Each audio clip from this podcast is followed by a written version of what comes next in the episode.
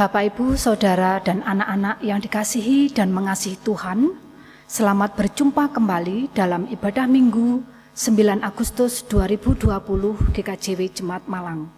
Salam sejahtera dari Tuhan Yesus bagi kita semua.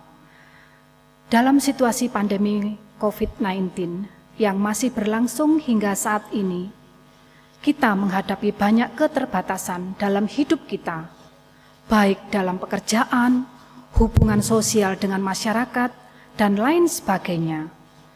Tetapi persekutuan kita dengan Tuhan tentunya harus lebih kita tingkatkan. Karena hanya berserah kepada Tuhan Yesuslah hidup kita menemukan damai sejahtera yang sejati. Bapak Ibu, jemaat yang dikasihi Tuhan, ibadah kita hari ini akan dilayani oleh Bapak Pendeta Agus Wasono M. Min kita akan mengawali ibadah kita dengan memuji Tuhan dari nyanyian Kidung Jemaat nomor 280. Kita pujikan bait yang kedua dan yang ketiga, Aku Percaya.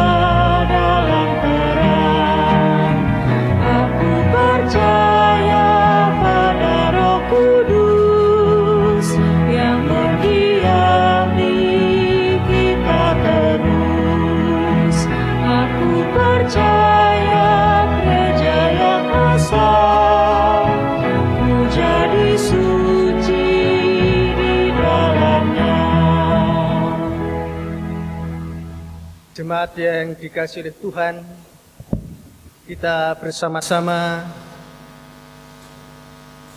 mengambil satu teduh masuk ibadah dalam hati kita masing-masing berikrar demikian. Pertolongan kita adalah di dalam nama Allah yang senantiasa menyertai, melindungi dan memberkati umat miliknya. Kasih setia Tuhan senantiasa ada dalam kehidupan umat yang percaya kepadanya. Terpujilah Tuhan Yesus. Amin. Ibu Bapak yang dikasih oleh Allah, firman Tuhan yang mendasari ibadah kita saat ini saya bacakan dari Markus 9 ayat 23 dan 24 yang demikian. Jawab Yesus, katamu jika engkau dapat, tidak ada yang mustahil bagi orang yang percaya. Segera ayah anak itu berteriak, Aku percaya, tolonglah aku yang tidak percaya ini. Kita sambut dengan nyanyian Kidung Jemaat 402 bait pertama dan ketiga.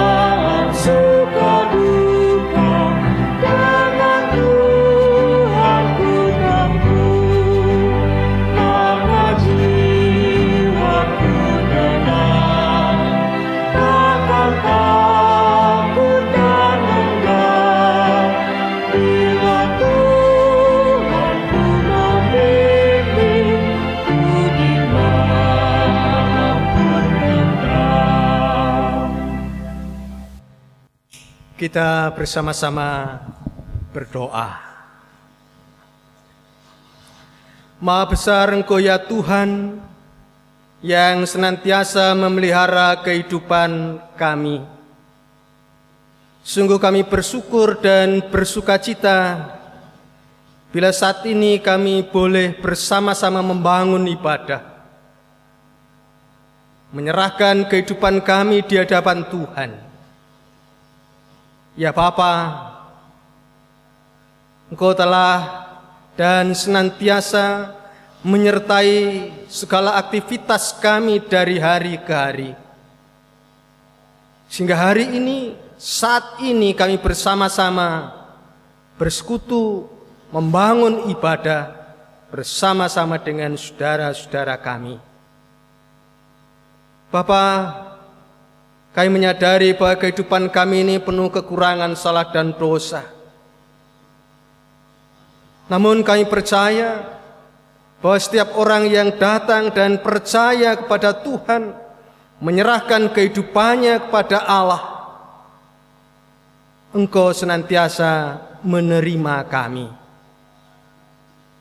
Karena itu ya Bapa ampunilah akan segala kurang salah dan dosa kami. Terima kasih Bapa di sorga. Ibadah kami saat ini kami percayakan dalam satu nama Tuhan Yesus penyelamat hidup kami. Terpujilah namamu kekal selamanya. Amin. Kita bersama-sama menerima berita anugerah Sekaligus petunjuk baru saya bacakan dari kisah para rasul 16 ayat 31 yang demikian. Jawab mereka, percayalah kepada Tuhan Yesus Kristus dan engkau akan selamat. Engkau dan seisi rumahmu. Demikian firman Tuhan Biarlah sungguh menjadikan hidup kita ini sukacita dan berkenan di hati Tuhan. Amin. Hatiku terbuka untukmu Tuhan.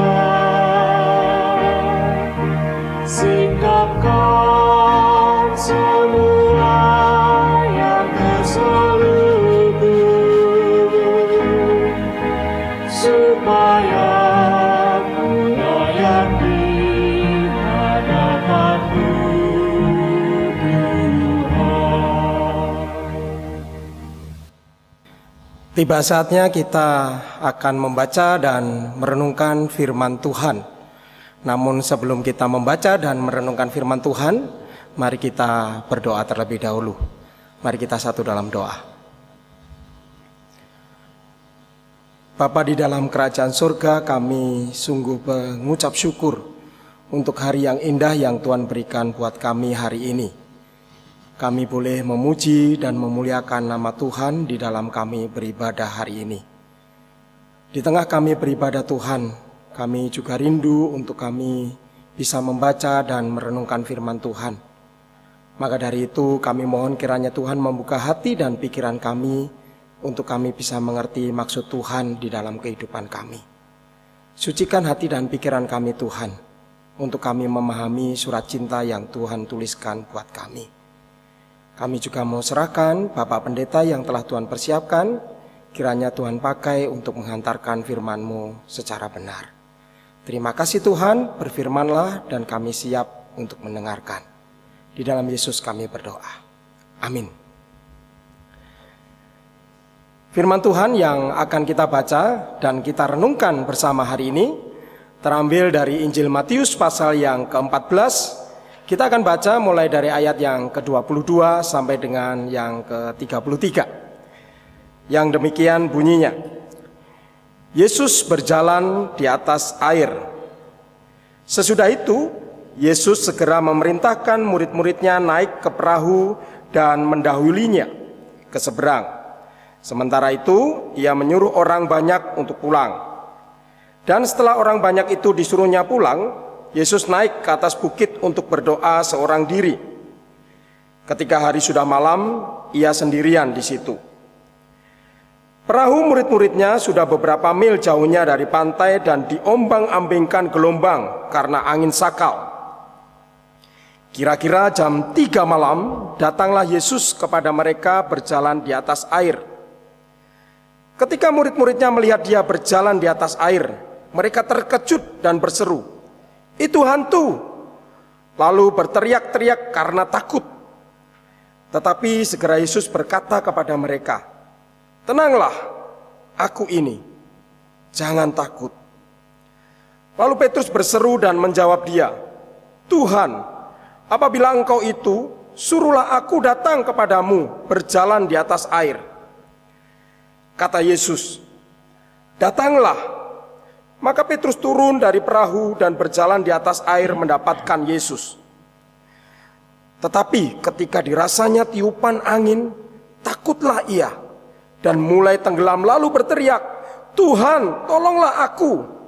Segera Yesus mengulurkan tangannya, memegang dia dan berkata, "Hai orang yang kurang percaya, mengapa engkau bimbang?" Lalu mereka naik ke perahu dan angin pun redalah. Dan orang-orang yang ada di perahu menyembah dia. Katanya, sesungguhnya engkau anak Allah. Demikianlah kesaksian dari firman Tuhan. Berbahagialah setiap orang yang senantiasa mau mendengar dan merenungkan firman Tuhan, terlebih menjalankan dalam kehidupan sehari-hari. Terpujilah Tuhan Yesus. Shalom, Ibu Bapak yang dikasih oleh Tuhan, saya memberikan tema fokus ojo tolah toleh. Yang menjadi nats kita ayat 29 dan 30 yang demikian. Kata Yesus, datanglah. Maka Petrus turun dari perahu dan berjalan di atas air mendapatkan Yesus.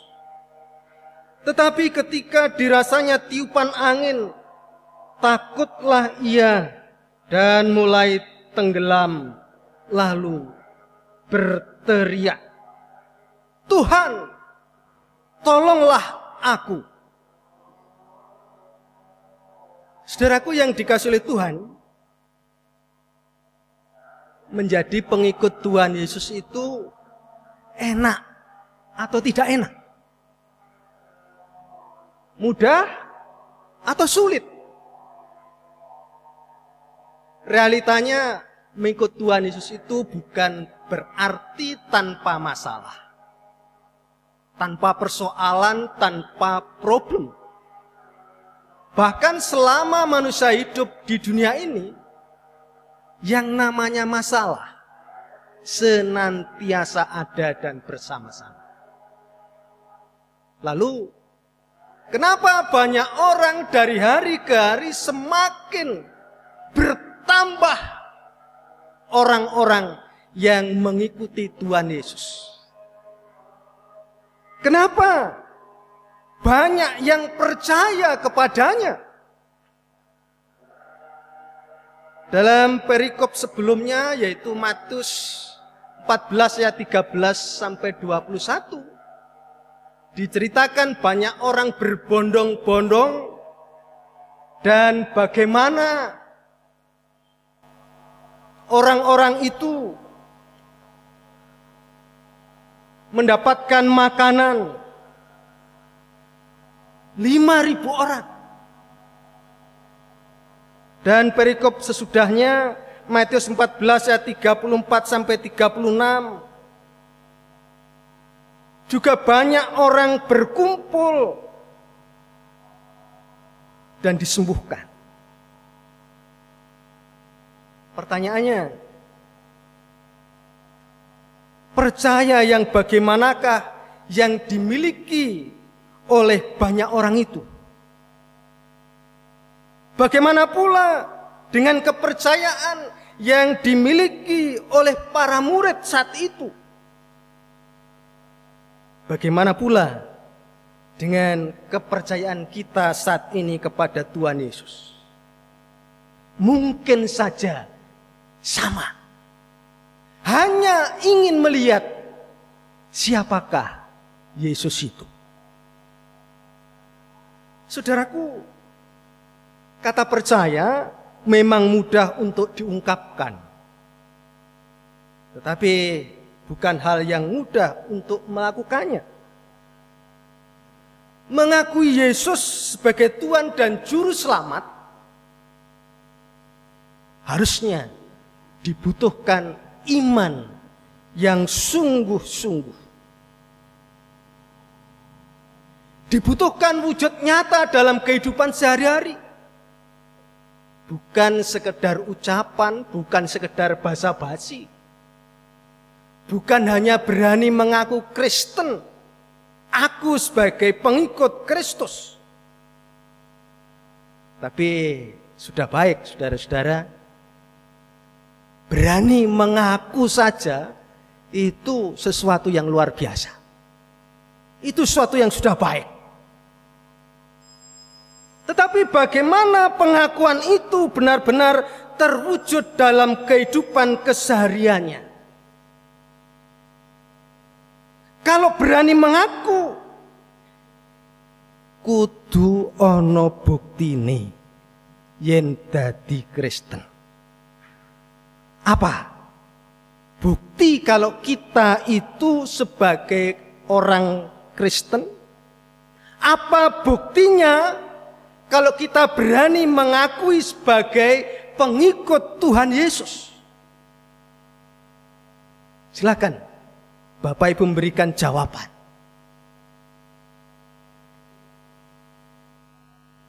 Percaya itu bukan hanya di bibir atau di mulut saja tetapi juga hati. Masuk dalam hati, terwujud dalam sebuah tindakan.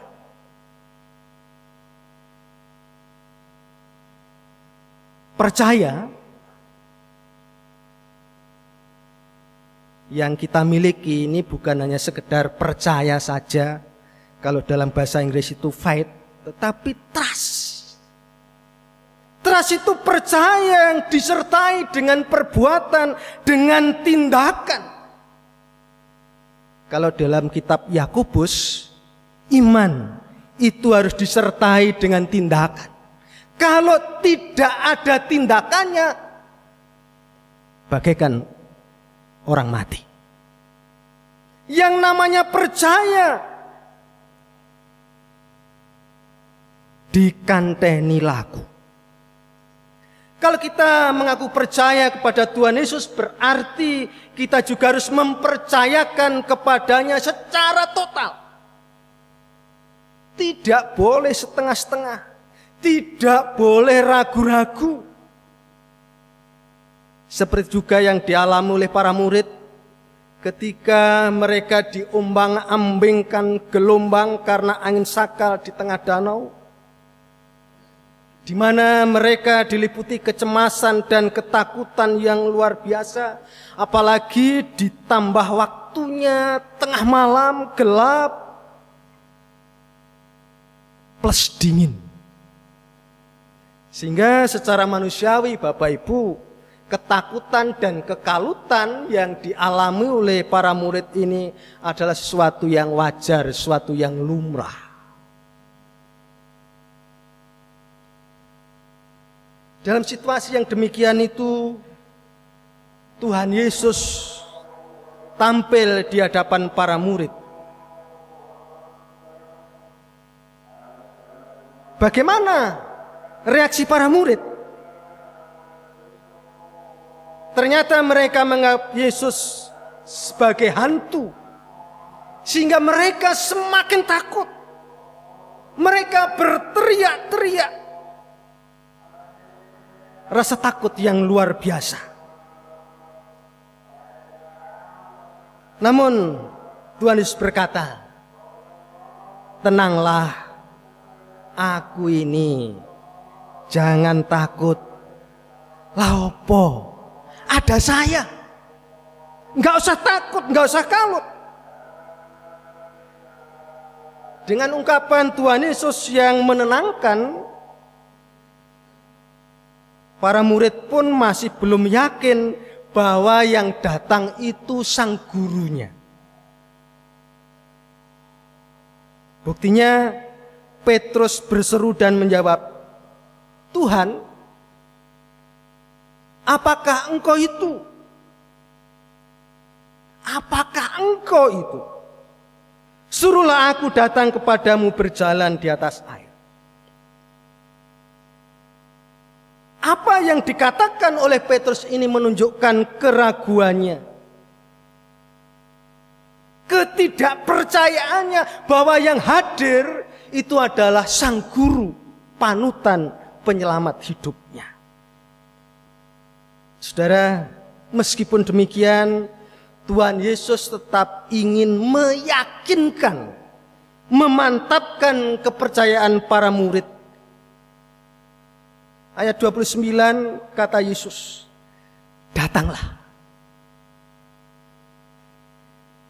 Petrus baru percaya akan kata-kata Tuhan Yesus itu dan kepercayaannya itu ia wujudkan dengan ia turun berjalan di atas air. Namun dalam proses percaya itu ketika ada tiupan angin yang ia rasakan, Petrus tidak lagi fokus kepada Tuhan Yesus. Ia lebih fokus kepada anginnya. Maka tenggelamlah ia maka jatuhlah ia ke dalam danau. Saudaraku, ketika seseorang sudah mempercayakan segala sesuatunya kepada dia, maka orang itu harus fokus hanya terarah kepada Tuhan Yesus. Tidak boleh kepada yang lain. Tidak boleh ragu-ragu. Tidak boleh tolah-toleh. Akan tapi karena cinta dan sayangnya Tuhan Yesus kepada Petrus, ia mengulurkan tangannya.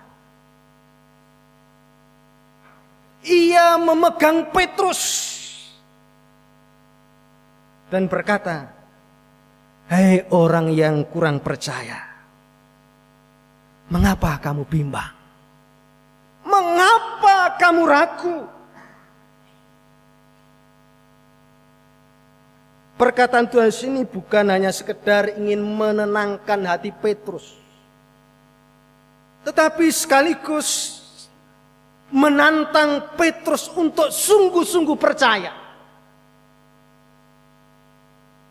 menantang Petrus untuk sungguh-sungguh yakin akan kuasa Allah, akan pertolongan Allah.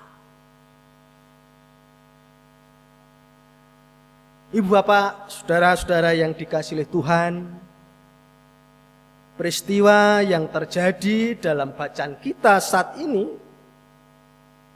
sebenarnya ingin menggambarkan atau mencerminkan kehidupan kita sebagai orang yang percaya.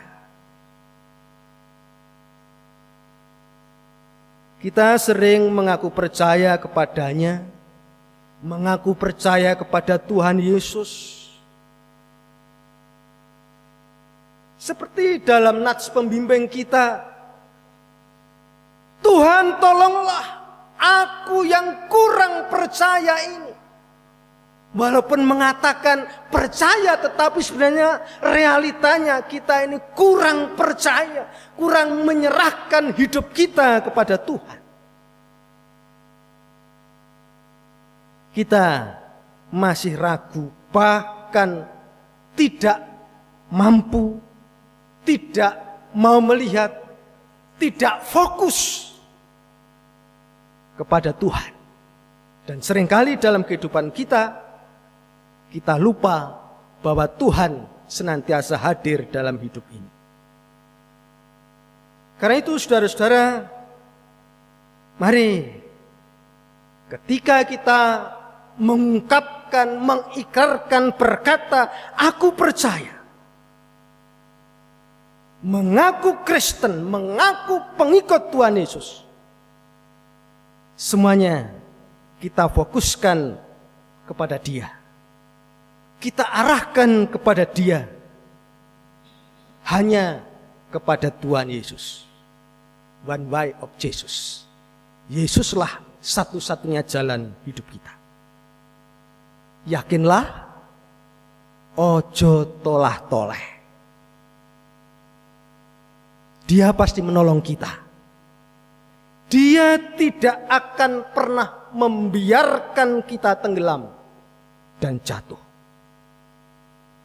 Persoalannya, mau dan mampukah kita mempercayakan hidup ini kepadanya?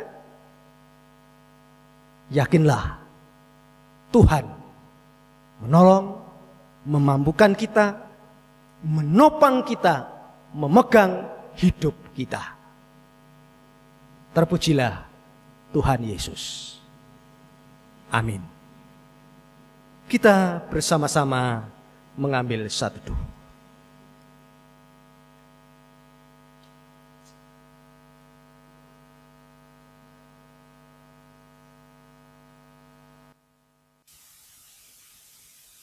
Kita sambut dengan nyanyian Kidung Ria 152.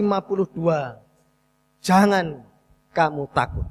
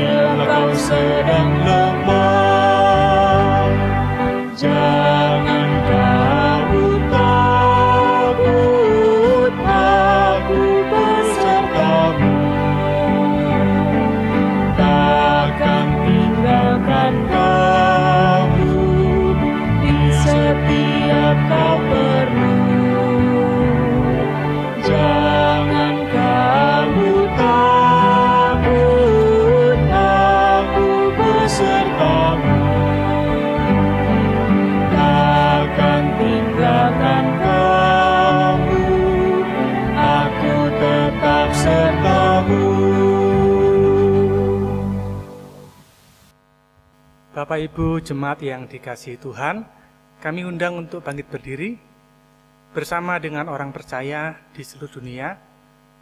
Mari kita bersama-sama memperbarui iman kita dengan mengikrarkan pengakuan iman rasuli yang demikian.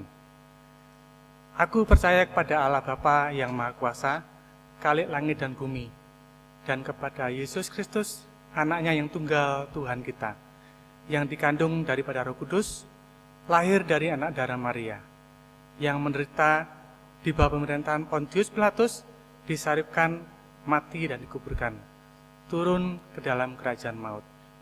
Pada hari yang ketiga, bangkit pula dari antara orang mati, naik ke surga, duduk di sebelah kanan Allah, Bapa yang Maha Kuasa, dan akan datang dari sana untuk menghakimi orang yang hidup dan yang mati. Aku percaya kepada Roh Kudus, gereja yang kudus dan am, para sekutuan orang kudus, pengampunan dosa, kebangkitan daging, dan hidup yang kekal. Amin. Jemaat dipersilakan duduk kembali. Kita bersama-sama mengikuti persembahan pujian dengan judul Mengampuni.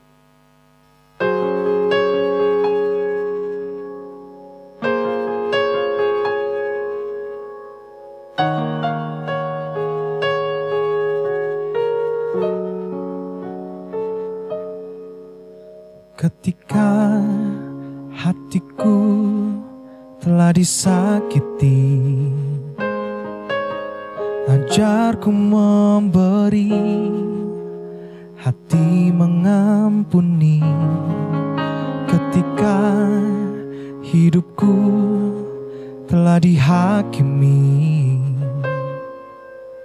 Ajarku memberi hati mengasihi.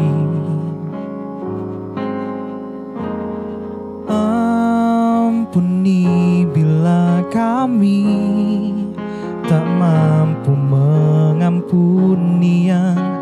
bersalah kepada kami. Seperti hati Bapa mengampuni mengasihi tiada pamrih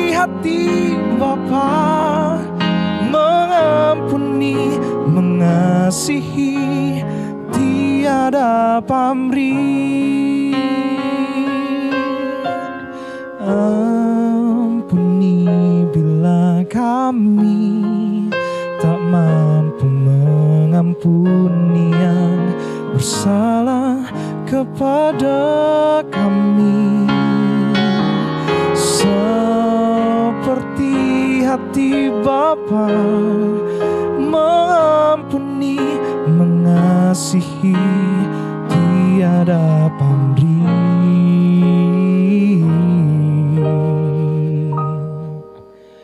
Mengasihi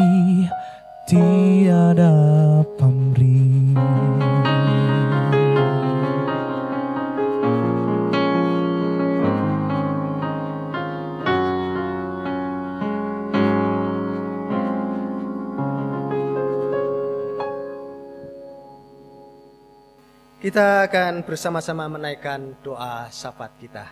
Mari kita berdoa.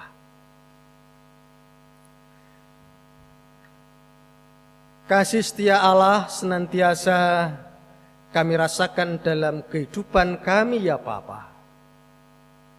Saat ini kami bersama-sama menyerahkan keberadaan bangsa negara kami yang terus berjuang untuk memutus mata rantai COVID-19. Biarlah usaha yang dilakukan benar-benar seturut dengan kehendak Tuhan. Pakailah orang-orang yang telah Tuhan tunjuk, baik di pemerintahan, di gereja, ataupun di lembaga-lembaga yang ada. Kami yakin Tuhan terus menuntun dan menyertai. Tuhan, kami menyerahkan saudara-saudara kami yang terdampak COVID-19. Yang menderita sakit, yang berduka, yang kehilangan pekerjaan, kehilangan penghasilan. Kami percaya bahwa Tuhan tidak pernah meninggalkannya. Tuhan tetap menyertai, menolong, menopang, memberkatinya. Gerejamu ya Bapak, di mana pun berada, yang saat ini sudah melaksanakan ibadah di gedung gereja ataupun yang masih melaksanakan ibadah secara online. Tuhan sertai, Tuhan berkati, sehingga apa yang dilakukan sungguh berkenan di hati Tuhan. Terima kasih ya Bapak. Kami serahkan semuanya hanya ke dalam tanganmu. Kami serahkan anak-anak yang dalam pendidikan. Tuhan sertai, Tuhan berikan semangat, Tuhan berikan kekuatan, mau dan mampu mengatur, belajar, bermain, dan aktivitas-aktivitas lainnya. Terima kasih Bapak di surga. Kami serahkan saudara-saudara kami yang sedang mencari pekerjaan, mencari partner hidup. Tuhan sertai dan kami yakin Tuhan sendiri yang menyediakannya. Terima kasih Bapak di surga. Kami juga menyerahkan warga jemaat yang usianya sudah lanjut, yang sudah sepuh, yang hanya bisa tinggal di rumah. Berikan kekuatan, berikan semangat. Kami yakin Tuhan tidak pernah meninggalkan orang tua kami ini. Terima kasih ya Tuhan. Inilah doa kami. Yang semuanya kami serahkan dan kami percayakan dalam satu nama. Tuhan Yesus penyelamat hidup kami terpujilah namamu kekal selamanya. Amin. Bapak dan Ibu serta saudara-saudaraku yang dikasihi Tuhan, saatnya kita menyerahkan persembahan karena Tuhan Yesus selalu mengasihi kita dengan berkat yang cukup.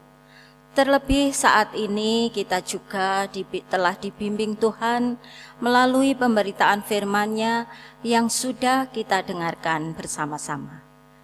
Kita juga diingatkan Tuhan melalui 1 Tesalonika 5 ayat yang ke-18, mengucap syukurlah dalam segala hal, sebab itulah yang dikehendaki Allah di dalam Kristus Yesus bagi kamu Sambil kita menyerahkan persembahan, kita pujikan Kidung Jemaat nomor 46, bait pertama dan yang kedua. Besarkan nama Tuhan.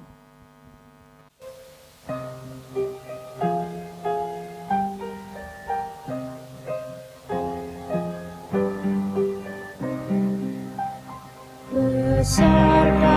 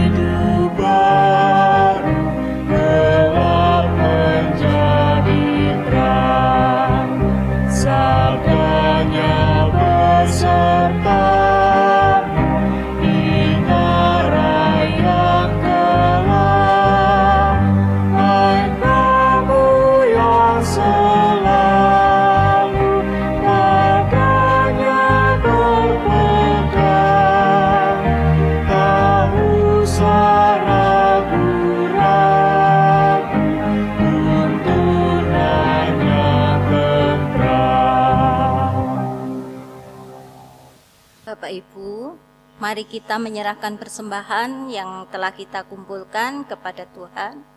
Mari kita serahkan di dalam doa. Mari kita berdoa. Tuhan Yesus, kami sungguh bersyukur atas berkat yang Tuhan berikan kepada kami. Terima kasih juga karena saat ini kami dapat beribadah walaupun masih di rumah kami masing-masing. Tuhan Yesus, saat ini kami telah mengumpulkan persembahan. Berkatilah persembahan kami ya Tuhan, agar kami dapat agar dapat dipakai sebagai sarana pelayanan firman Tuhan dan pelayanan kasih di gereja kami.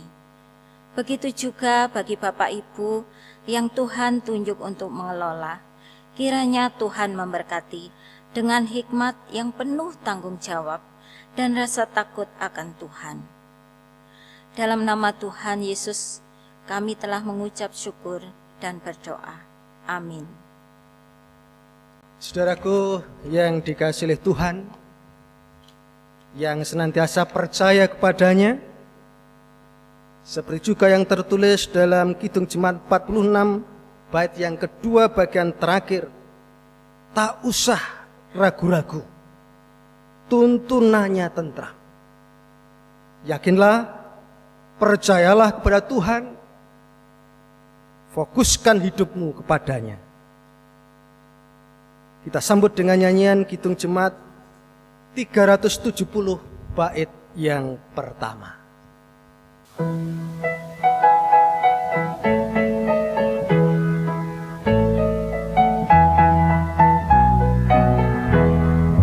Ku mau berjalan dengan juru selamatku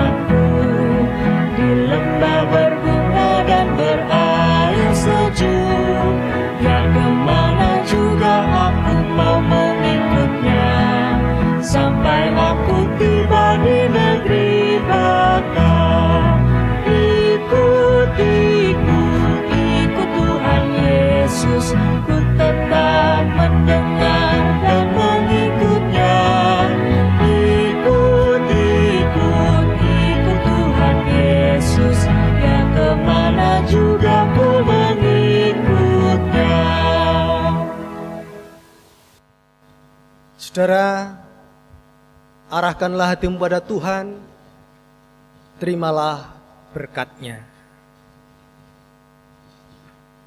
Kasih sayang dan cinta dari Tuhan senantiasa terus terjadi dalam kehidupan umat miliknya. Penyertaan dan berkatnya tercurah melimpah dalam hidup umat yang percaya kepadanya. Saat ini kekal selamanya. Amin. Hitung jemaat 370 bait yang ketiga.